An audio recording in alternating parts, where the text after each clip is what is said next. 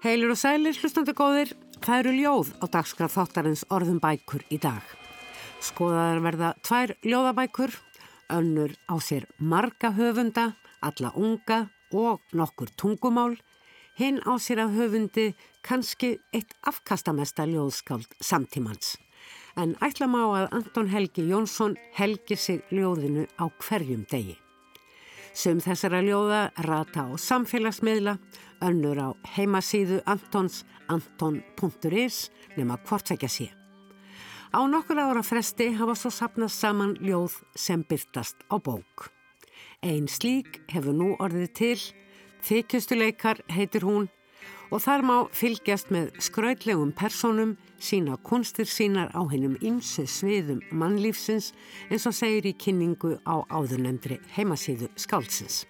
Magnús Guimundsson hefur lesið þessa bók og ræðir undir lok þáttar við Anton Helga meðal annars um tengstlans við æfintýra personurnar Pétur Pann og Vöndu.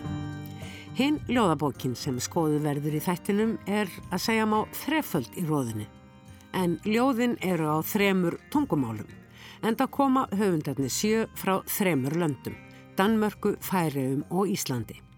Það var einn serbneska Anna Stanitsevits sem kallaði þessi sjö skáld saman til ljóðagerðar þvert á tungumálinn þrjú.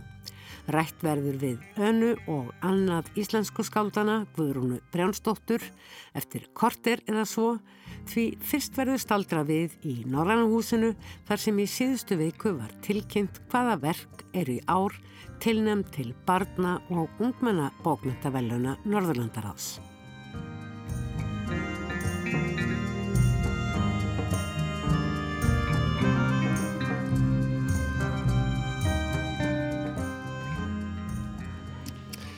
Í dag fara við að uh, sjá hverju tilnæmdur til um, barna og unglinga bókmyndaverðun Norðlandarás 2022. Íslenska bæknar sem eru tilnæmdar.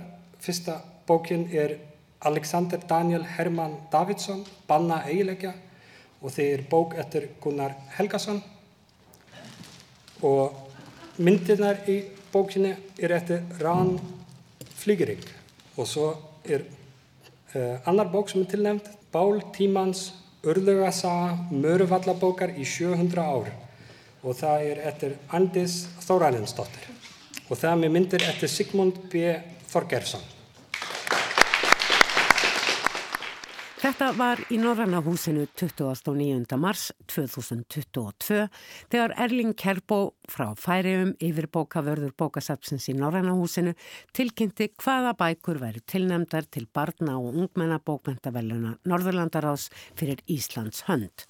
Íslenska valnendin sem samanstóð af Markusi Má Efraím Höllu Þorlaugu Óskarsdóttur og Helgu Ferdinandsdóttur völdu sem sagt hérna frumlegu skáldsögu Ardísar Þórannsdóttur Bál Tímans, örlega sögu Möðruvallabókar þar sem aðal personan er einmitt súbók eða öllu heldur handritið Möðruvallabók. Skrifaði fyrir 700 árum, ferðaðist svo víða með eigundum sínum bæði innanlands og utan en er nú gemt á orðnastofnun. Hinn bókin sem Íslandinga tilnefna er svo ADHD eða bannaðað eidilegge eftir Gunnar Helgason sem líklega er vinsælasti barna og ungmenna bókahöfundur á Íslandi í dag. En sagan um Alexander Daniel Hermann Davidsson sem er pólskur og með ADHD er bráð skemmtileg. Höfundanir allir, það er Gunnar Helgason og Rán Flugering sem gerði myndirnar og Artist Þorranesdóttir og Sigmundur B. Þorgersson sem gerði myndirnar í bál tímans voru auðvitað viðstödd og tók á móti rós og tilnefningaskjali auk þess að segja gestum í Norrannumhúsinu svo litið frá bókunum sínum bæði texta og myndum. En öllum fymtubekkingum í Vesturbæjarskóla hafði verið sérstaklega bóðið til þessa viðburðar og fenguð þau líka tækifæri til að spyrja höfundana út úr. Það voru svo sannarlega margar hendur og lofti í Norrannahúsinu því margir vildu spyrja. Um allt mögulegt varðandi bækurnar. Hvernig fengu höfundarnir hugmyndina, var erfitt að finna titil á bækurnar, er skemmtilegt að vera reyðtöfundur, hvaða personur sem höfundarnir hafa skapað finnast þeim vera skemmtilegastar. Það var hljóðnum á sveimi í salnum þannig að spurningar fymtubekkingana heyrðust vel og höfundarnir fjórir upp á sviði svöruðu vel og ítælega en aðstæðu voru engan veginn þannig að henduðu til upptöku. Ég raun alveg afleitar eins og heyram á hér.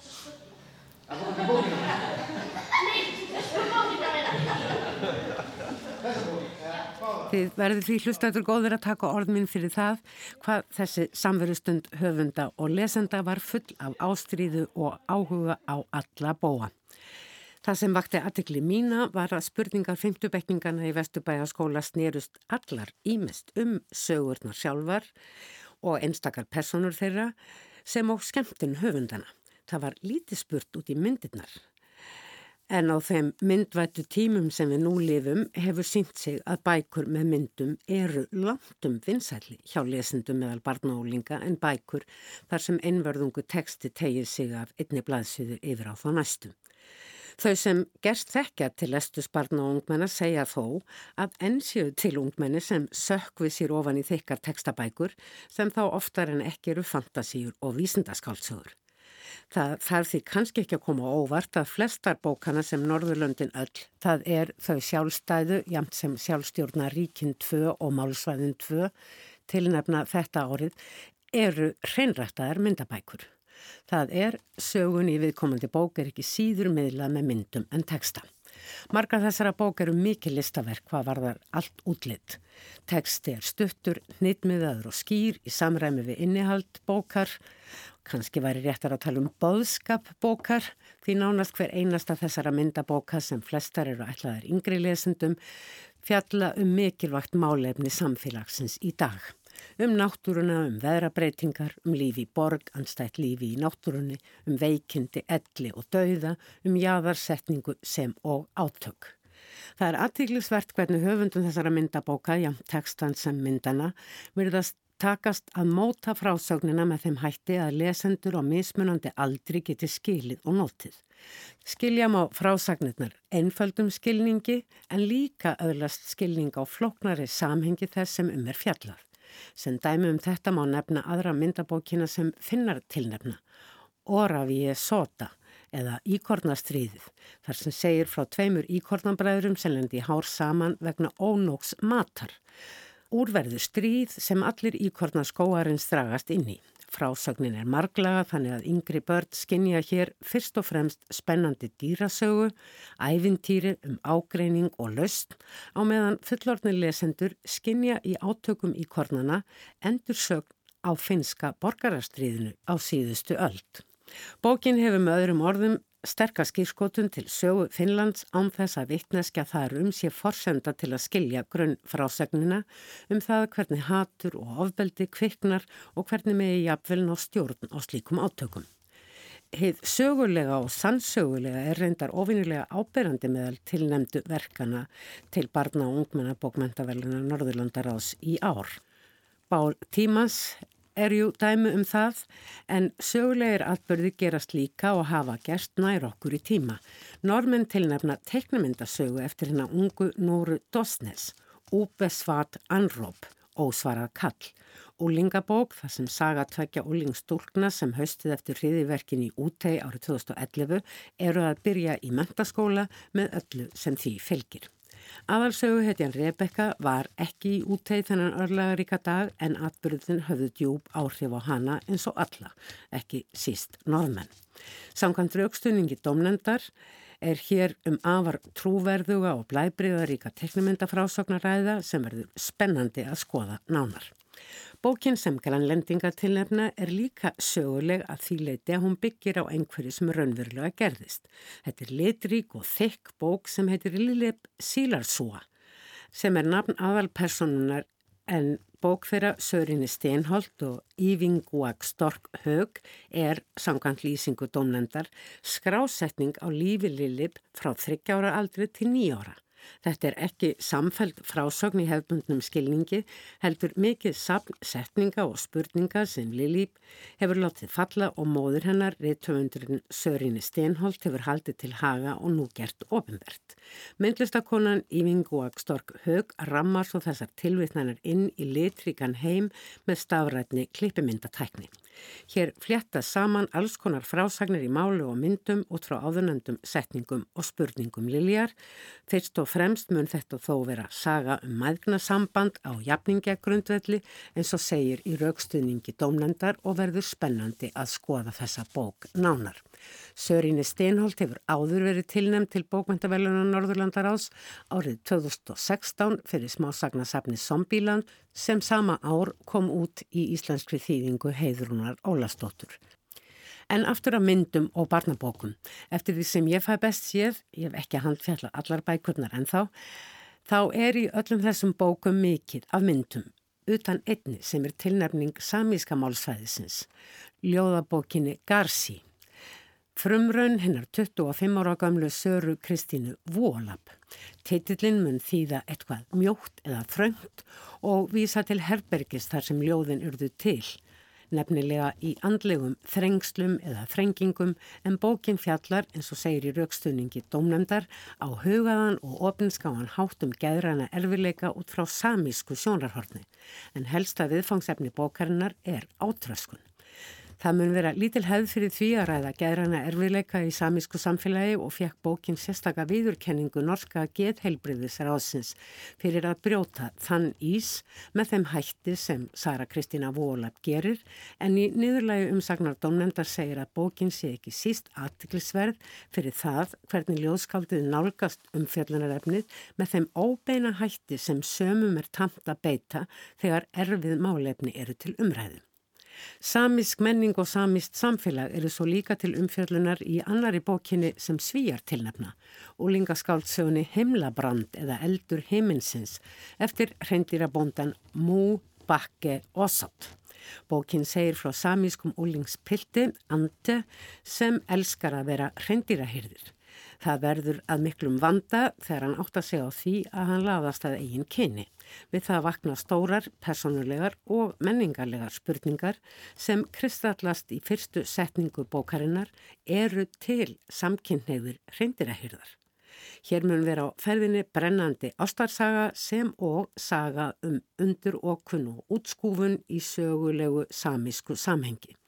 Ekki alls fyrir löngu var á þessum vettvangi sagt frá skáldsögunni Stöldur eftir samísk sænskan reytöfund Ann Helin Lestadíus en svo hefur komið út í íslenskri þýðingu Ísaks Harðarssonar. Í þeirri umfellum kom fram að Ann Helin Lestadíus hafði skrifað allmargar barna og úlingabækur sem fjallaðun um líf ungs fólks í samfélögum sama. Ég hef umverðungu kynst bókmyndun sama í gegnum tíðingar Einars Braga skálds á síðustu öld og svo á síðustu árum í gegnum tilnefningar til bókmyndavelluna Norðurlandaráðs.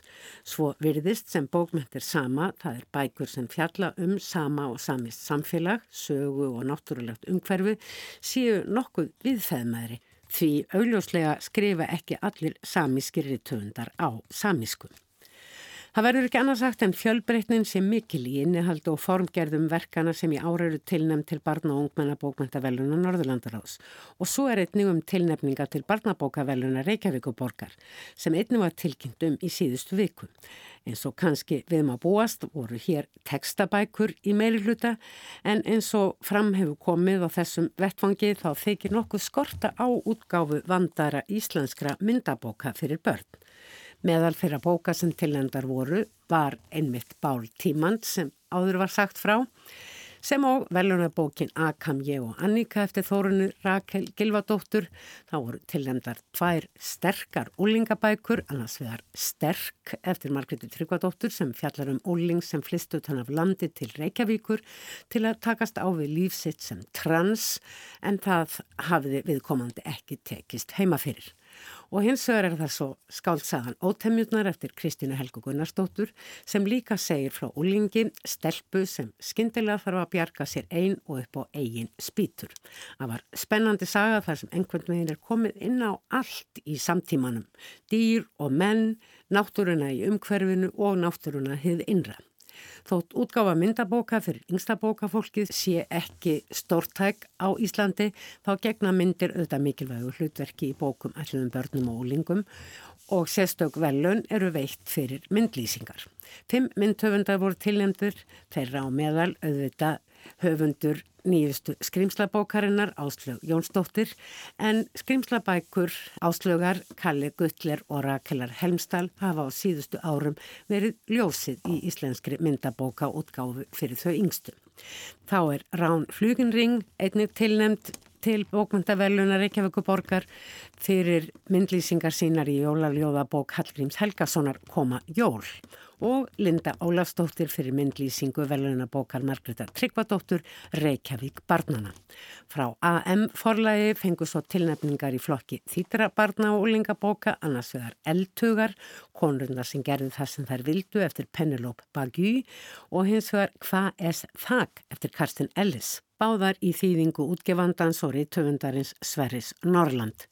Til hamingu með tilnefningarnar, mynd og textahöfundar sem og þýðendur fjölbreytnin sannarlega mikil í þessum tilnefningum til barnabókavelruna Reykjavíkur borgar.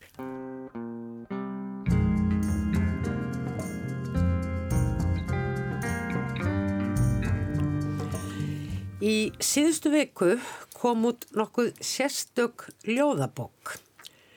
Hún heitir Epla ástöðið endurskoðað, Úðvíðið kartoffelteóri kartöflu kenningin endurskoðuð. Þessi Romsa segir kannski eitthvað um eðlið þessara ljóðabókar sem er á þessum þremur tungumálum sem svona upp og ofan vel framborin eru færeska, danska og íslenska. Bókin er gefin út að Norður Allandsafsbryggjunni í Kaupanahöfn sem er jú menningastofnun eða minnstakosti hús, sameinlegrar og sértækrar menningar, Danmerkur, Færeinga og Íslandinga.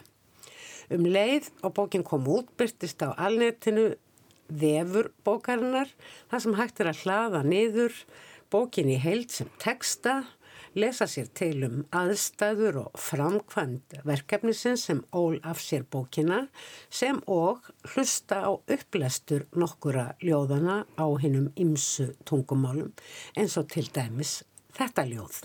Kríubróðu minn. Kríubróðu minn bjó einu sinni í Sviss en les Gøgeurt í, Vandmyrerne í dag. Kríubróðu minn er músikær, magnaður, glamrar á Måge Í Killers coverbandi slútir fram á sviðinu í þungum frakka, Andemadsgrønne augun, andamatur, hverfa bak við axlar síðar hárið. Kríbróð minn og kærastinn hans kynntust í, Foråret en hann vill ekki segja mér hvar. Hún heitir Ragnhildur eða Ragnheiður. Mælkebytte með Sneglefrisyrer hátil klofsins, þingaengur og vinnur aðra hvora helgi þerna, aðra hvora helgi laus. Kríbróðu minn er að ganga frá sér í girðingavinnu. Det går skidt med at få hjælp Ég vildi að hann gerði sér oftar dagamun, dragi Ragnheiði út í dans, dragi Ragnhildi út í lindihopp, skoskan, Pjask Røllikken dýfði tánum í, Andemaden íldi í, Strå. Dræpi, Snegl. Sushi Train, dagamun.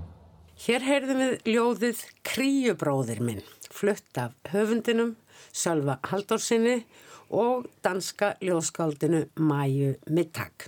En fimm höfundar af auki tóku þátt í áðurnemdu verkefni sem leiti til þessarar bókar en það voru danirnir Harald Toksveld og Valdimar Kerulf, færiðingarnir Beinir Bergson og Danja og Tásen og Íslandingurinn Guðrún Brjánsdóttir.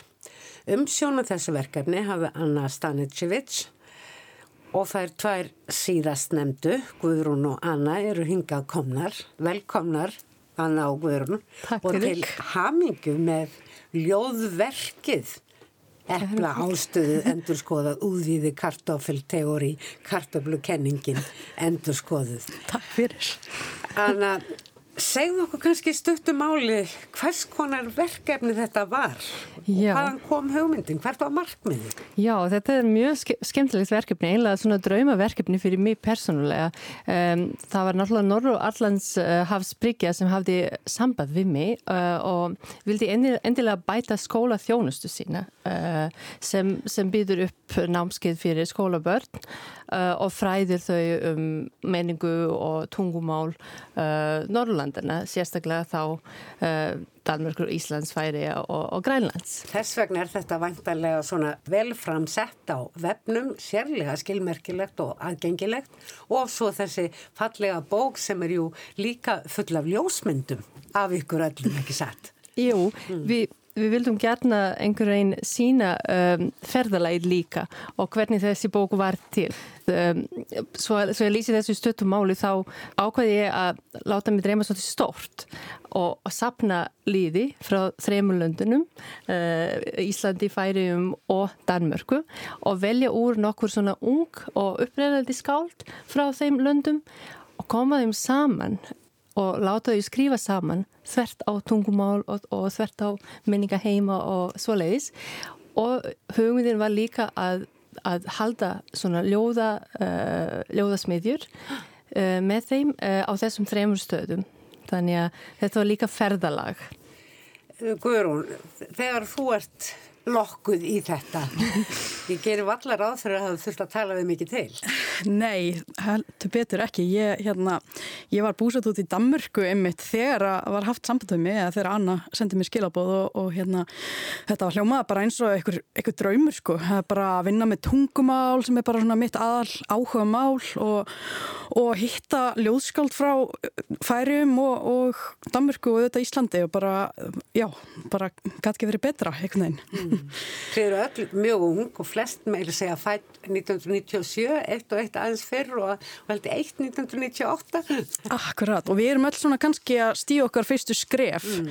Við vorum sjö og, og, og við vorum svolítið á sama stað, vorum svona mjög bara með mikla svona orgu fannst mér og svona, já, mikið að horfa fram á veginn, hann að ég held að Anna hafi valið mjög vel í þann hóp. En samt svona sum ykkar allavega eins og þú, veluna höfundur, Þú fjækst í árið 2020 velun fyrir handréttið að skáldsögunni sjálfstýring og hann er þá þegar gefið út eina ljóðabók og Beinir Bergson er aldeilis hérna færiðingurinn velunar og þú er mér sér þýtt bók eftir hann, kanntu færiðsku? Ég myndi nú ekki segja að ég tali færiðsku en ég er, það er erfitt, það er erfitt. en hérna ég hef bara rosalega áhuga á, á, á tungumálum og ég kynnti spæni einmitt á Íslandi mm -hmm. mér fannst eiginlega einmitt alveg ótrúlegt að Anna sko vissi ekkert að við hverju þekktust fyrir en, en bænir hafði náttúrulega verið námi á, á Íslandi mm. og ég er, sagt, er í námi í íslenskum fræðum þannig að við erum mikið að, spá í svona, uh, já, hvað sem er, uh, svona skildum tungumálum þannig að hérna, við bænir höf, höfum unnið saman að þessari þýðingu. En hvernig gekk þetta fyrir sig? Anna myndst á þegar þau hist þreysför og það var í Kaupanöfn, í Þórshöfn og í Reykjavík. Mm. en þess á milli voruðu þá að tala saman á netinu því að sumt er þýtt eða stríkt eða rænt ræningaþýðingar og en sumt er greinilega orð sameinlega á mismunandi tungumálum Já, uh, þetta var mjög óvinnlegt ferli fyrir mig og held ég öll ljóðskaldin af því að við vorum látin semja allt saman, eða sérst á staðnum auðvitað sitt í hverju leið. Já, þannig að þá bara kom Anna með einhverja kveikju, samila kveikju sem hún sagði okkur öllum og svo fórum við bara í eitthvað horn og, og, og, og skrifuðum ljóðin. Það er sama herbergi þess vegna. Þess vegna, já. Mm. Þannig að það var hérna allt öðruvísi en, en maður er kannski vanur, maður er vanur að vera heima hjá sér einna að hérna að grúsku í sig kannski marga fikur en þetta var svolítið svona mjög svona ferst myndi ég segja. Já, gott að heyra. já. Og svo gott að þið voru svo opinn uh, og einhvern veginn til í það að gera alla þessa hluti. Þannig að það var náttúrulega mikil óviss að hvernig maður verið bregðast við um, og hvort maður sé góðu til að veist, skrifa saman með öðrum eða bara fyrir sí. Hvort það er bara alveg ómögulegt að gera. En það var mitt, við byrjuðum svona á að skrifa okkur einljóð en síðan svona smán saman fór að Anna að færa okkur inn í meiri samvinnu og það eru alveg bara all nokkur ljóð í bókinni sem eru sko, skrifuð jafnvel sko, með uh, þremur ljóðskaldum frá þremur löndum þannig að mm. þá, það var krefjandi en, en mjög áhugavert. Ertu með eitthvað ljóð í huga sem getur látið hljóma í Já, þættinum? Já, um, kannski ef við ekki bara taka þetta sem að við það var sagt ég, uh, Danja og Maja, við skrifuðum saman ljóðið um Þetta var eitt bref eða Hvis þetta var eitt brá og á íslensku ef þetta væri bref og það var eiginlega, sko, ég, ég held við töluðum allar þrárum og það var svona alveg út fyrir það endramanna því að við, sko, já þetta var svona verkefni eiginlega frá önnu og við, við skrifum svona eina lína mann og svo var þetta þannig að Maja, hún er dönsk og hún, hún skilur korki íslenskunni færisku en, en við Danja skildum eiginlega öll tungumálinn þannig að þetta var mjög svona ævintýralegt að en það kom, já, mér fannst alveg koma hérna mjög skemmtilega svona niðurstöða út úr þessari vinnu. Akkurat, það. Er svo gaman að sjá hvernig svona merkingin getur byrst þar sem maður einhvern veginn býst ekki við því svona óvæntan hátt. Einmitt. og líka að sjá að þegar maður fer yfir ljóðið þá sér maður alveg að, guð, að þú Guðrun og Danja skilja kannski línuna uh, fyrir fram en, en svo kemur Maja inn og kannski er hún bara búin að fá einhverja kveki frá, frá einu orði úr færisku eða íslensku og svo kemur eitthvað sem er kannski tengt en fer kannski aðra átt og svo kemur óbærslega falleg uh, merking úr þessu líka. Já. Um heita verið brjá hegi byrja svoleiðis. Þetta er engin sagnaritun frá miðöldum. Hun venter på den tropiske soleo-is smelter, drikker det. Men þetta er ekki ett brjá. Þetta er heldur ekki hjáttning. Det her er fannme kunst. Ég drekki það. Drekk þetta í mig eins hægt og ég get hægter hende af. Hvor er hun yfirhöfur? Hvers vegna er hún alltaf svona ótrúlega lengi? Længe har jeg haft det sådan. At ég er í hún sem bújar. Það eru ekki allir sem kunna að fylgjast með ísnum bráðuna. Det siges at der er delvis sol over Reykjavik. Men jeg kan ikke sige at jeg har vittnat það enn. Skíin hanga yfir mér eins og hlýtt teppi.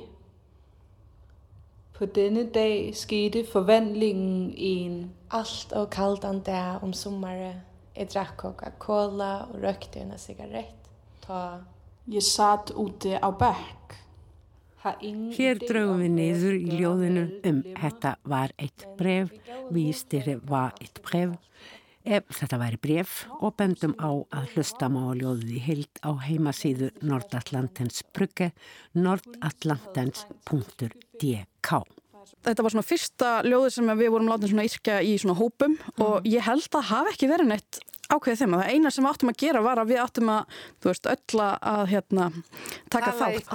Yrkja á ykkar eigin tungumáli. Já eiginlega upphátt svo hinn er vissu Já. og grýpa boltan síðan og kasta á milli. Já, en svo eins og þú segir með, með Mæju að hún skildi ekki neitt en hún samt náttúrulega sér kunnuleg orð Akkurat. og það gerist líka náttúrulega þegar uh, Harald sem er danskur var að, hann var að skoða til dæmis bókinans Bænis sem er mm -hmm. færiskur og Harald skilur ekki færisku en hann, svona, hann, hann horfur á orðin og sér eitthvað sem er líkt og í dönsku mm og, og, og skrifar eitthvað út frá því mm. þannig að ég veit ekki hversu mikið samengja hann var með en, en það kom allavega eitthvað nýtt út úr því. Þú talaður um uh, að þetta væri já, einhver liti kennslubók gefin út til brúks fyrir dansk skólabörn ebla tilfinningu þeirra fyrir færiðsku, íslensku og sína eigin móðumáli í Danmörku. En þetta er nú eiginlega ekki neina barnaljóð. Nei, alls ekki. Og, og sum ljóðana eru ekki barnavætna heldur uh, myndi ég að segja, en, en við, við letum vaða. En uh, hugmyndinu var í raun og veru að búa til verk sem gæti verið bara verk sjálf og sér líka sem getur síðan verið notað af uh, fólki í uh, skóla, skólaþjónustunni í Danmörku og kannski fengið einhverju hugmyndir og kannski geta nokkur ljóðana til að uh, í, í, í, í sínum námskennu fyrir, fyrir börnin. Þannig að bókin sjálf er ekki svona kennslubók þannig séð en hún er meira svona ljóðabók sem getur verið notað líka í kennslu. Þú ert uh, rittstjóri bókarinnar ekki satt, Anna. Uh, hún skiptist í hvað, fimm kapla, tólkanir, samljóð sem við heyrðum einmitt eitt af hérna áðan, náttúruljóð, samtali í sapnahúsinu sem sem að vísa til þess að þið áttuð ykkar fundi í safnahúsinu hverfiskötu mm -hmm. í Reykjavík. Og eigaljóð sem að tengi náttúrulega við færiðar og það er rétt. Og svo tungumála sambönd var þetta eitthvað svona sem þú ræðaði niður og, og fannst út úr? Já, hana? einmitt, að því að náttúrulega þessar ljóðasmiðjur eh, sem við undirbjóð og hannaði voru mjög svona útpældar og, og svo uh, áttum við okkur á því að það væri kannski einmitt skemmtilegt að fylgja uh, bara dímalínunni og, og bara láta kaplana vera í, í raun og veru Þetta ferðalag sem að þið ljóðskáldin lögðuð upp í og enduðu síðan. Þannig að þau, kaplanir byggjast bókstaflega á, á hlutum af uh, smiðjunum mm -hmm. og, og koma í þeirri röð sem uh, þau voru gert. Til dæmis í byrjun uh, er einmitt svona kaplið þar sem skáldin hýtast í fyrsta skipti og hýtast með því að lesa verk annara sem voru skrifuð, skrifuð áður fyrr. Allir komið með sínar útgefnar bækur og svo að bregðast við verkin og skrifa verkin uppur því mm. og svo framvegis og auðvitað var líka pælingin með bókina að skoða málin og tengslinn millir málana en líka menninguna og mm. hvernig menningin er ólík kannski eða lík í þessum þreymur löndum þess vegna kemur líka kapli um, um svona mála tilfinningar og, og, og kannski líka tengslinn millir málana Orð sem kannski eru eins hvað bókstafina varðar en hafa kannski ekki ólíka merkingu, allt annan vísana grunn. Þetta lítur að hafa verið alltaf spennandi þegar við í rauninni verið að þvælast í svona völundar húsu tungumálan og svo eins og Anna segir þá tengis þetta náttúrulega svo mikið menningunni þannig að við vorum náttúrulega vorum mikið saman við ferðum saman og, mm. og hérna og þá töluðum við mikið um svona hvað var ólíkt á milli þessar þryggja landa og svona hvað við vorum við vunum það náttúrulega tengis líka tungumálinu Á hvaða tungumáli töluðu þið svona saman ykkar í milli? Var það nýlundu herra tungumáli danskan? Það var það, það, það vildi svo til að við Sölvi höfum bæði búið í Danmörku en við töluðum dansku mm. og svo uh, Danja og, og Bænir þau eru uh, færiðum og hérna með mikil tengsn alltaf þá við Danmörku þannig að þau töluðu líka mjög góð dansku. En, en það sem gerir mjög glad, glada var líka að sjá að færiðska og íslenska gáttu verið töluð í, í sammeilinu rými líka og, og, og stundum voru einhverjir í hófnum kannski duglegir til að tala einmitt íslensku við færinga og, og, uh, og láta það, já, einmitt, þannig að þetta hefur verið svolítið svona tungumál að blanda. Hvað kom þér á óvart, Guðrún, svona sem und ljóðskáld og verandi kannski með ljóð í, alltaf í bakgrunnin, þó þú sért náttúrulega líki þínu námi og mér sé líki tónlistanámi. Já, einmitt. Bæði söngnámi og í námi í píjónuleik. Já, það sem kom mér kannski á óvart bara sem dæmi var sko hvað ljóðasenan til dæmis var, fannst mér svona búin að mótast í hverju landi. Ég tók svolítið vel eftir því og það var eitt sem ég til dæmis tók eftir með Danina að þau, þau lesa upp á svolítið sérstakann hátt. Það er eitthvað svona taland og tótn einmitt, þetta er svona aðtengis kannski tónlistin líka, þau eru með sérstaka hérna, leið til að eitthvað neginn mm. uh, lesa upp ljóðin og, og svo fannst mér eins og ég og Sölvi, vor, við vorum eitthvað neginn lásum allt öðru í sig og svona mm. og það kannski, já, það sem ég fannst svolítið merkilegt er líka hvað ljóður er tengt flutningi og, og svona eitthvað neginn um, þá líka tungumálunu sjálfu og hvað það getur verið ólíft millir bara tungumáluna. Já, algjörlega og það er líka, það er svo gaman að, að hlusta á þessar upptökur að því að já, sum, mjög skemmtilegt. Já, takk fyrir. Mm -hmm. Sumar þeirra eru ein, mjög svona tilhörnakendar líka mm -hmm. og, og, og, og jáfnveil uh, lög Já. Þú er náttúrulega óperu söngkona og það er til dæmi um, um, um, um ljóð sem þú syngur og það er Já. líka dæmi um ljóð sem við öll syngjum saman. Uh, um mjóik uh, de fonetík uh, þar, þar sem öll sérhljóðin í þessum þreymur tungumálum eru einhvern veginn uh, blanda saman, bland, blanda saman og, og, og, og sungin. Touch Touch Touch Hey, oh, hey, hey, hey,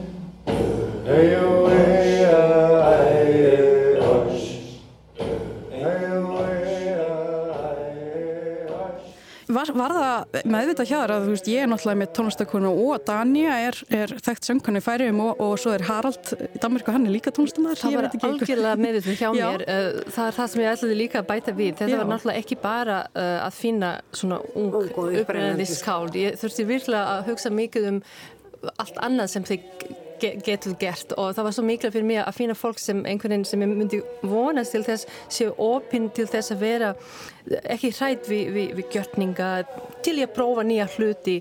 Og mjög meðvitað var að, að, að þið nokkur í hópnum séu einlega tónlistarmenn líka. Mm.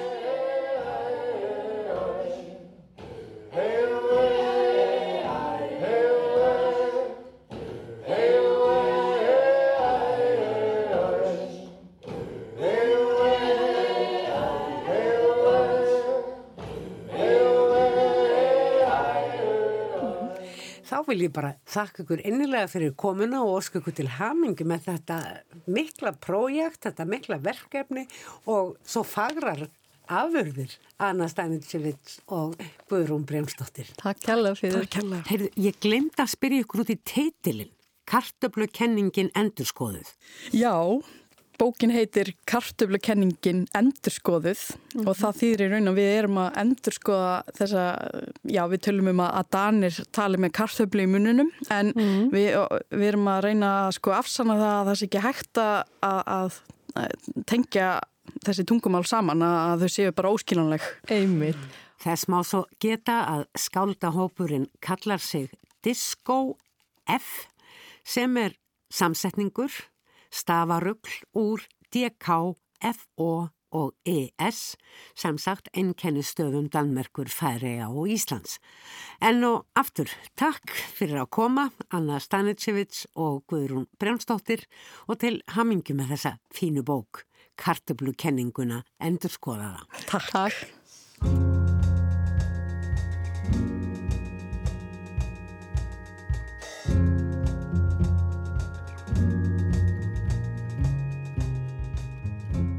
Það er komið að Magnúsi Guðmundsinni, Antoni Helga Jónssoni og nýri bók hins síðarnemda, Þykistuleikar. Anton Helgi, þú ert búin að vera uh, með smá ljóðadellu síðan þú varst ungur maður. Hvað dróði að ljóðinu? Ég veit það ekki en sko, það sem ég man fyrst eftir að, að hafi hrifið mig varandi ljóð, mann lærði náttúrulega ljóð í skóla og svona bara utan að þess að það er ég man alltaf eftir í að það var eitthvað þóttu langkvörð legðir eitthvað fleis ég uppgöttaði einhvern hljóm í því sem að dró mig að því og ég held sveimir þá að ég hefi lært það utan að sjálf viljögur bara sko það, svona mann alltaf eftir því. En það sem að gerði útslægið ég gleymi því ekki það var hérna í Hafnafjörðinum á strandgötunni. Eh, ég var kannski svona, allir maður hef ekki verið 11 ára, hann var að fara að hitta þetta vinn minn. Og hann kemur hlaupandi og segir Tóni, Tóni, hefur heyrt þetta? Og fór með að sigra heiminn eftir steinsteinar. Og ég hefði aldrei heyrt að það var einn snill og þar með voru örlögum hans að ráðin einhvern veginn þetta er ekki amalett uppaf og það, það er, þú er búin að vera langt fyrir til jóðinu síðan og, og mjög svo virkur sérstaklega á síðustu árum uh, bók fyrir tveimur árum síðan ómertar, handbókum ómertar undankomulegðir og svo er þetta komið nýja bók núna Þykjustuleikarnir uh, í dag, 4. apríl, ekki rétt?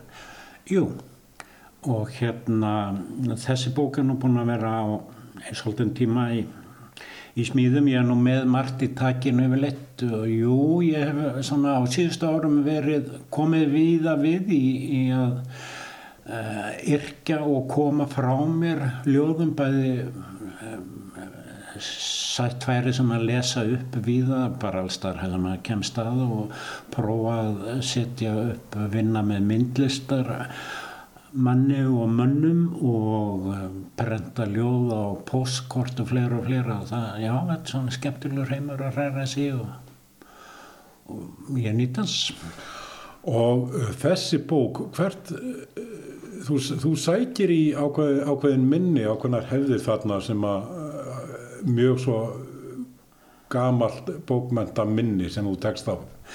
Já, ég, ég, sko, ég held að sko löngunin til að gera þessa bók, hún eiginlega fættist bara, ég held því ég var tvítugur, sko. Ég gaf út bók því ég var 19 ára, svona lítil og sætt bók sem að, sem að, mm, já, var margerað og ákveð uppaf, svo kom bók því að var rúmlega tvítur drópur síðustu skúr heitur hún og ég setti mér þá fyrir að mér langaði til þess að gera bók sem að ljóðabók sem er eins og revía. Það er að segja með sko ljóð sem að kemur ólíkum áttum og, og sumt væri hrest og skemmtilegt annað eitthvað daburlegt og þarfum að dugötunum og ég hef eiginlega alla tíð síðan verið sko reyna að gera þessa revíu sem að eins og í, í þessu tilfengi uh, þróast út í fjölleikahús, leikhús og bara já, leik með þessa stóru miklu metafóru lífið er eins og leikhús getur við sagt.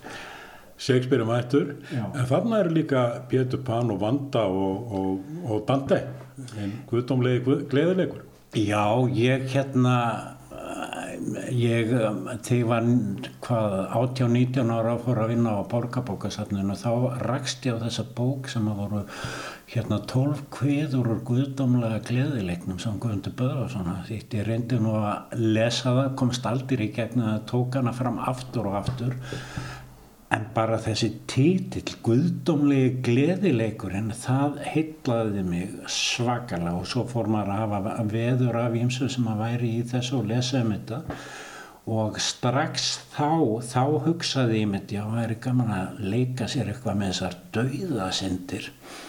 Og ég byrjaði á því þessa, þessari bók Drópur síðustu skúr þá, þá byrjar bókin heitir eh, á ég held að ég kalli það heimslistarsámar og það var meiningin sko að taka fyrir döðasindirna þar. En einhvern veginn, ég var nú bara ungur og, og hérna óþólunmóður og ég, ég, það endist ekki um í þrjár að snú út úr þrem. En síðan hef ég aftur og aftur komið að þessu, ég kallaði hann á stundum að að nota eitthvað svona hugmyndir eins og eins og döðusindirna er svona hækju hugsun sem að hjálpar manni til að skoða lífið. Mann skoður einhver atverðli einhverja manníski og spyr er þetta dæmi um græðki eða munúð eða leti eða kæruleysi eða hvað sem er? Og, og, og nokkuru sinnum hef ég já nota það og það er einhverstaðar undirlikjandi hér í þessari bók. En svo ég útskýri hana þá er sko hugmyndina henni kom þetta að ég ákvað fyrir hana bara að vera tíu ár já ég ætla að gera svona leikusbók og ég ætla að láta hana vera í, í fjörleikahúsi og síðan settist ég niður og teiknaði það allt upp. Ok, þetta verður á sviðinu og svo verður svona baksviðs og sölubásar og annars lít og, og, og fór svona að sapna í þetta reyna að endur spekla lífið í, í, í þessum heimi. Og um, var alltaf með svona einhvern uh, leikústjóra eða ringleikastjóra og eftir sem áleið þá fór, með að fannst mér eins og hann væri já, ég náði ekki alveg sambandi við það mm. og hugsaði hver getur verið að stjórna þessu eða segja þessa sögu og þá rifjaðist upp fyrir mér hún vanda sem að ég hrifst af sem krakki mm. sem að sagði sögur í bókinum Pétur Pan og ég ákvað það að setja hérna, gera hana að aðal hetju þessar bókar og, og það væri hún sem að væri að stjórna þessum leikum, segja þessa sögu. Og eh, hún gerir það en hún fer ekki með Pétur Pan til Kvergilands heldur fer hún í ferðaleg inn í sagt, leikús og sirkus heima lífsins getum við sagt. Mm og á einhvern hátt sá ég það fyrir mér að hún væri svona að fara eins og Dante fór með virkli í, í, í sí, sitt ferðalag niður til Vítis og upp Skýrnarfjallið og, og, og alla þá leið. Nákvæmlega og, og það eru líka þarna uh, margar mjög svo ólíka rattir. Uh, Ljómælandi er, er mjög svo breytilegur í þessari bók. Já, ég, eins og ég uh, hugsaða þá við hugsaðum þetta stundum fyrir sjálf mér sko eins og útvarsleikrit og þá heyri ég um, tvær, þrjá rattir sem að stýra ferlinu og það er uh, fyrst og fremst vanda sem að segir sög, uh, söguna og segir sögurnar en svo dúka upp alls konar personur á leiðinni uh, sem að er að tjá sig um hitt og þetta og, og vandaraði sín og gleði og sorg og og allt harfum eftir guttunum sko. það er margt sem að gerist í þessum sirkus það er sumt gleðilegt annað mjög dapurlegt og þetta er svona já, einhvers konar leikur með leikús lífsins getum við sagt. Leðu okkur að kíkja þess inn í sirkusin Línu dansinn ég les mig áfram geng af stað. Það er lína en samt engin lína önnur en aðtekli þín. Með örgum skrefum stíg ég út í tómið, undir mér ekkert öryggis nett, nema eftir við hlátur, þinn eða grátur. Það eru líka þarna ljóð sem við langar til þess að skoða aðeins meira með þér uh, sem að mér finnst fanga ákveðin svona kjarna í því verkefni sem þú ert að takast á við á hverjum degi sem ljóðskáld. Eða við að skoða það, skáldið með hundana. Já, skáldið með hundana. Um útivistasvæðið rásar kona með hunda í bandi með smáhunda, með stórhunda, fjóra, fimm, sex eða sjö. Hún gætir þeirra fyrir fólkið sem kemst ekki út. Í rauninni er ég skáld, segir konan í viðra tilfinningar annara, fer með þær út að ganga, læta rúla sér í grasinu, þefa af rössum og hlaupa í ringi, býð þólinnóð á meðan þær skýta og sapna svo skýtnum í endurvinnanlega boka. Stundum leifi ég feimninni að gelta á vekkvaranda en á örvæntinguna hveti til að hlaupa á eftir bolta og hjá mér gengur ofsinn á afturfótunum eins og maður. Ég sæki hundana heim til liðsins sem kemst ekki út, svo skila ég þeim aftur, hreinum og fínum og þá fagnar fólk elsku bestu krúsi músinni sinni. Ég sæki tilfinningar heim til fólks, viðra tilfinningar sem komast ekki út. Takk fyrir þetta og það eru gríðarlega breytilega tilfinningar sem uh, tekist ráðið í þessari bók, bæði bjartar og fallegar eins og, og ástinn og, og náttúran og fegurinn en það er líka uh, myrkir, myrkrið er þarna líka.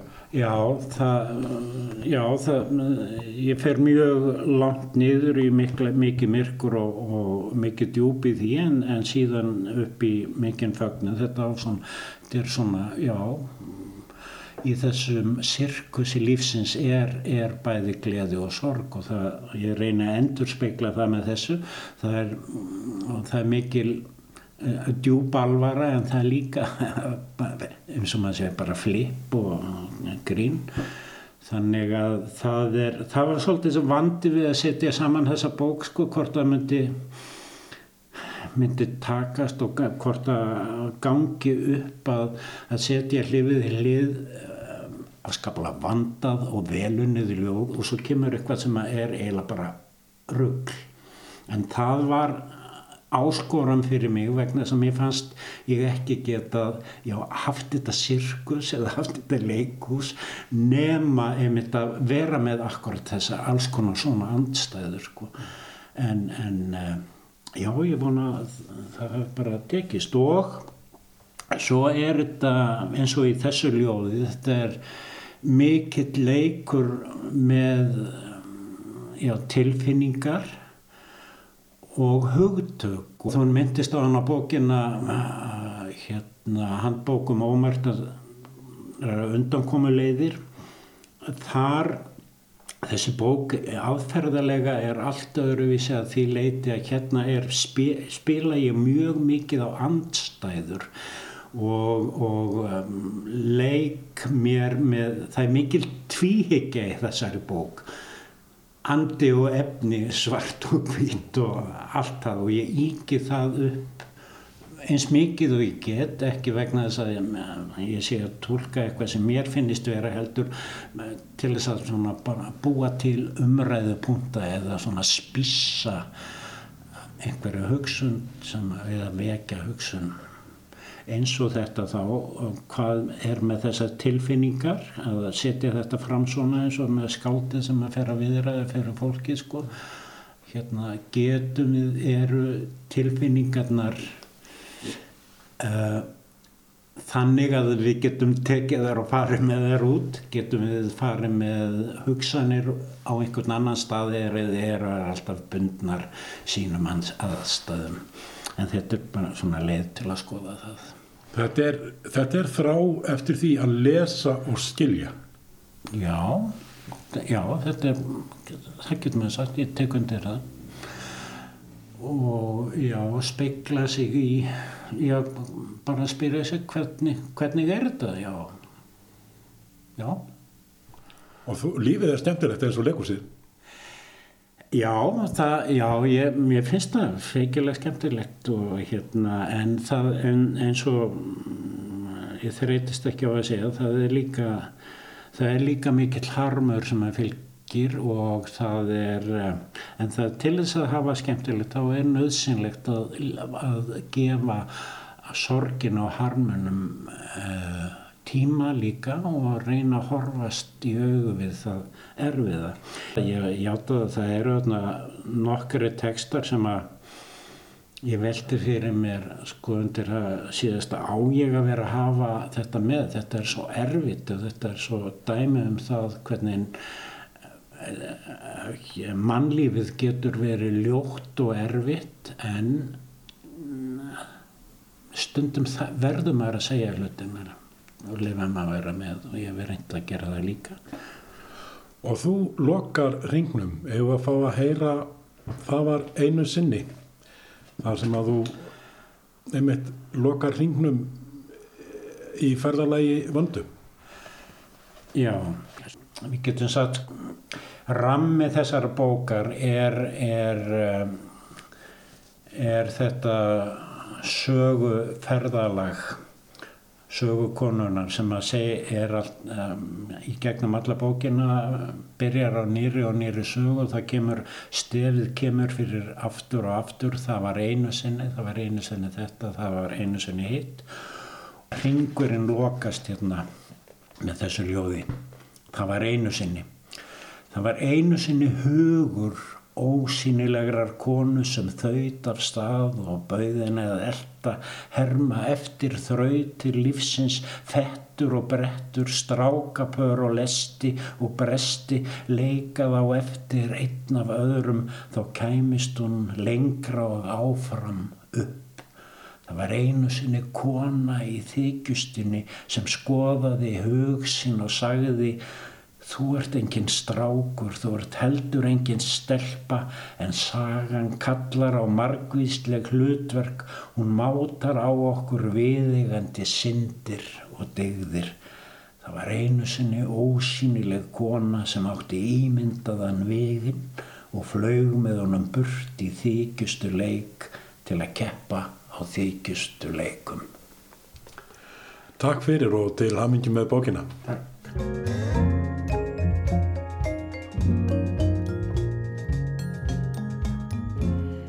Fleiri verða orðum bækur ekki að þessu sinni.